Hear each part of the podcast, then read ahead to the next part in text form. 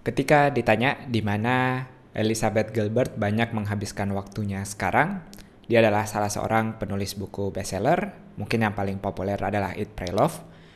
Elizabeth menjawab bahwa pekerjaannya sekarang adalah full time atau 100% menjaga kesehatan mentalnya. Sekilas mungkin berlebihan ngapain sih full time menjaga kesehatan mental? Kita akan melihat kenapa sih penting untuk menjaga kesehatan mental kita. Selamat datang di teh atau kopi. Berbeda dengan penyakit fisik yang lain yang kita bisa ngelihat dengan mata, penyakit mental ini tidak bisa kita lihat secara langsung. Jadi, otomatis kita sering lupa untuk memperhatikan kesehatan mental kita. Di sisi lain, kita juga tidak tahu apakah orang lain sedang terkena atau sedang bermasalah dengan kesehatan mentalnya karena kita nggak ngelihat ada luka di tangannya atau jalannya agak pincang misalnya kita tidak bisa ngelihatnya. Sayangnya masalah ini bisa membawa ke depresi yang kaitannya sangat dekat dengan fenomena bunuh diri. Nggak ada yang mau melakukan bunuh diri saat dalam keadaan sadar. Nggak ada juga yang mau orang-orang di sekitarnya melakukan ini. Karena itu, jangan menganggap remeh masalah penyakit mental.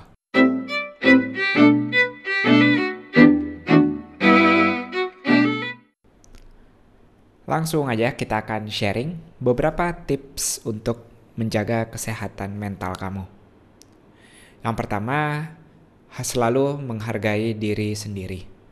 Jangan mudah mencap, menghakimi, atau membisiki diri sendiri kalau kamu gagal hanya karena satu kesalahan yang kamu buat. Kita harus sadar sama sekali nggak ada orang yang sempurna, termasuk saya yang berbicara ini. Tentu aja saya yang paling tahu di mana kekurangan saya, di mana gagal-gagalnya saya. Jadi teman-teman perlu belajar untuk memaafkan diri teman-teman ketika melakukan kesalahan. Yang gagal itu adalah kejadian, bukan orang dalam melakukan hal tertentu kita nggak sempurna dan tidak ada yang sempurna termasuk artis-artis populer yang di bayangan teman-teman semuanya serba perfect sama sekali nggak ada. Jadi melakukan kesalahan itu normal. Setiap kita melakukan kesalahan, kita harus belajar memaafkan diri sendiri, bukan cuma memaafkan orang lain.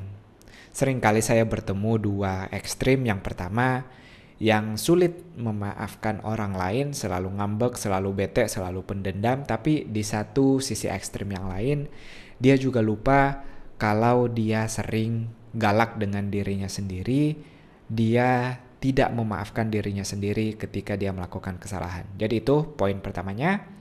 Jangan mudah menghakimi gagal, selalu memaafkan diri sendiri kalau melakukan kesalahan. Yang kedua yang cukup penting di sini yaitu ngobrol sama yang kamu nyaman. Usahakan kamu punya teman dekat, bukan teman di sosial media buat ngobrol-ngobrol um, show off sesuatu, bukan, tapi di dunia nyata yang memang kalian benar-benar akrab, mungkin parameternya kalau kamu kentut dekat dia itu udah biasa, kamu nggak malu-malu lagi. Poinnya tentu aja bukan kamu harus kentut dekat dia, tapi menandakan kalau nggak ada lagi rahasia-rahasia yang terlalu di rahasia-rahasia yang sensitif yang kalian sembunyikan. Telepon kalau udah jarang bertemu, uh, memang ag aneh agak awal untuk beberapa orang menelpon temannya dalam keadaan nggak ada yang mau dibahas, tapi kalau kamu udah mulai ngerasa sedang stres, sedang punya masalah, hal yang baik kalau kamu mulai menceritakan ke teman kamu. Pastikan teman kamu ini uh, bisa membantu mendengarkan. Dia bukan orang yang ngomong terus, tapi memang dia juga Eh, bisa mendengarkan sesuatu dan lebih baik lagi kalau dia bisa membantu mencarikan solusi. Tapi tentu jangan mengekspektasi orang lain bisa menyelesaikan masalah kita. Normalnya kita cuma punya kita cuma butuh media untuk mencurahkan sesuatu dan teman dekat adalah media yang paling tepat. Berikutnya punya aktivitas yang asyik. Waktu bangun kamu jangan sampai full time 24 jam cuma buat kerja lalu tidur lagi Cari tahu apa sih hobi kamu, apa yang bikin kamu senang, atau olahraga yang bisa bikin kamu bahagia juga. Jangan cuma ngelampiasin ke makanan misalnya, karena makanan itu sifatnya biasanya sementara. Apalagi kalau fast food, enaknya bentar, tapi menderitanya nanti yang lama kalau kita udah tua. Nah, biasain punya aktivitas-aktivitas atau hobi-hobi yang positif. Selalu sediakan waktu untuk ini. Cari jadwal di mana kamu bisa menyalurkan hobinya lebih bagus lagi kalau hobi kamu ini atau olahraga yang kamu lakukan bisa dilakukan bareng-bareng enggak sendiri. Berikutnya setelah mengerjakan uh, tugas yang berat baik di kantor atau kamu bekerja sendiri, Biasakan traktir diri kamu sendiri atau beri hadiah yang bisa ngebalikin mood atau semangat kamu. Hadiahnya nggak selalu berbentuk fisik, bisa jadi jalan-jalan ke suatu daerah yang kamu mau atau cuma jalan-jalan ke taman yang ada di kota kamu. Bagaimanapun bentuknya, yang penting kamu suka bisa mengembalikan mood dan semangat kamu. Selanjutnya, sediakan waktu untuk berpikir apa yang bisa kamu perbaiki dari kesalahan-kesalahan kamu sebelumnya. Tentu memaafkannya itu bagus, tapi kamu juga perlu belajar apa yang bisa kamu perbaiki. Lalu berpikir juga siapa yang bisa kamu hubungi atau mencari teman, seperti poin keduanya. Dan pertanyaan-pertanyaan penting lainnya yang normalnya kita hindari. Kita harus menyediakan waktu untuk berpikir masalah ini. Terus sibuk dari satu hal ke hal lain tanpa waktu kosong untuk diri sendiri itu juga nggak baik. Kita akhirnya cuma sibuk dan pusing antara aktivitas tanpa memikirkan apa yang bisa kita lakukan untuk menjaga kesehatan mental kita ini. Sediakan waktu dan lebih aktif bertanya kalau teman-teman kita berada di sisi yang lain atau kemungkinan dia sedang berada um, terganggu atau sedang bermasalah dengan kesehatan mentalnya.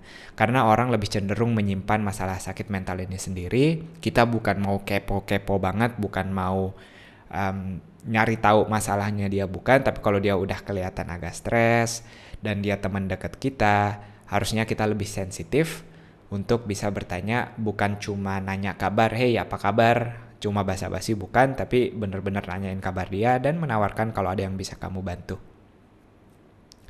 Yang terakhir dan sebenarnya pertama, kita punya Tuhan, Tuhan yang nyiptain semuanya termasuk diri kamu dan masalah-masalah yang kamu punya. Jangan lupa setiap hari selalu berusaha dekat dengan Tuhan. Kalau kita punya de teman dekat, harusnya sebelum itu kita juga bisa menceritakan masalahnya dan harus kita ceritakan ke Tuhan karena Tuhan walaupun dia maha tahu, dia juga senang kalau kita berusaha mendekat dan curhat ke dia.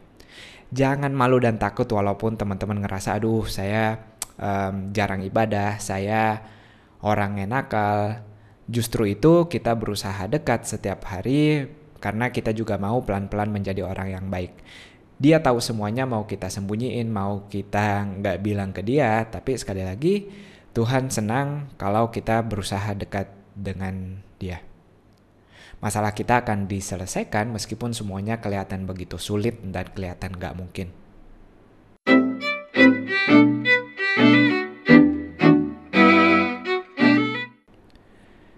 Hal lainnya yang perlu kita bahas apakah hal ini adalah hal yang memalukan atau kesehatan mental ini apakah hal yang harus kita sembunyikan?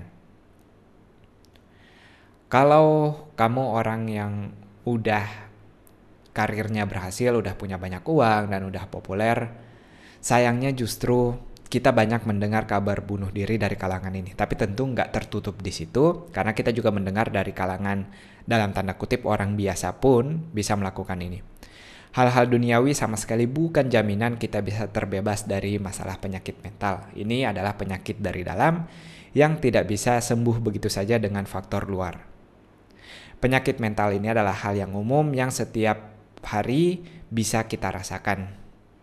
Atau frekuensinya um, mungkin kadang-kadang hadir dan bisa secara kualitas nggak begitu tinggi rasa sakitnya atau rasa depresinya, tapi um, kita udah bisa mulai belajar mendeteksi apakah kita sedang ada atau sedang berada di titik ini atau enggak. Menjaga kesehatan mental bukan hal yang memalukan sama sekali bukan. Jangan malu untuk meminta bantuan dan bertanya atau mempelajari seputar tema ini.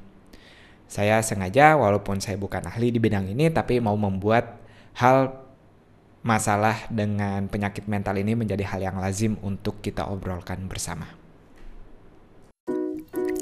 Terima kasih sudah mendengarkan episode ini. Share teh atau kopi di dunia maya dan dunia nyata. Kamu bisa dengarkan podcast di www.tehataukopi.club dan blog pribadi saya di hilman.space. Jangan lupa selalu benarkan niat, perbaiki sikap, dan luaskan manfaat. Sampai jumpa.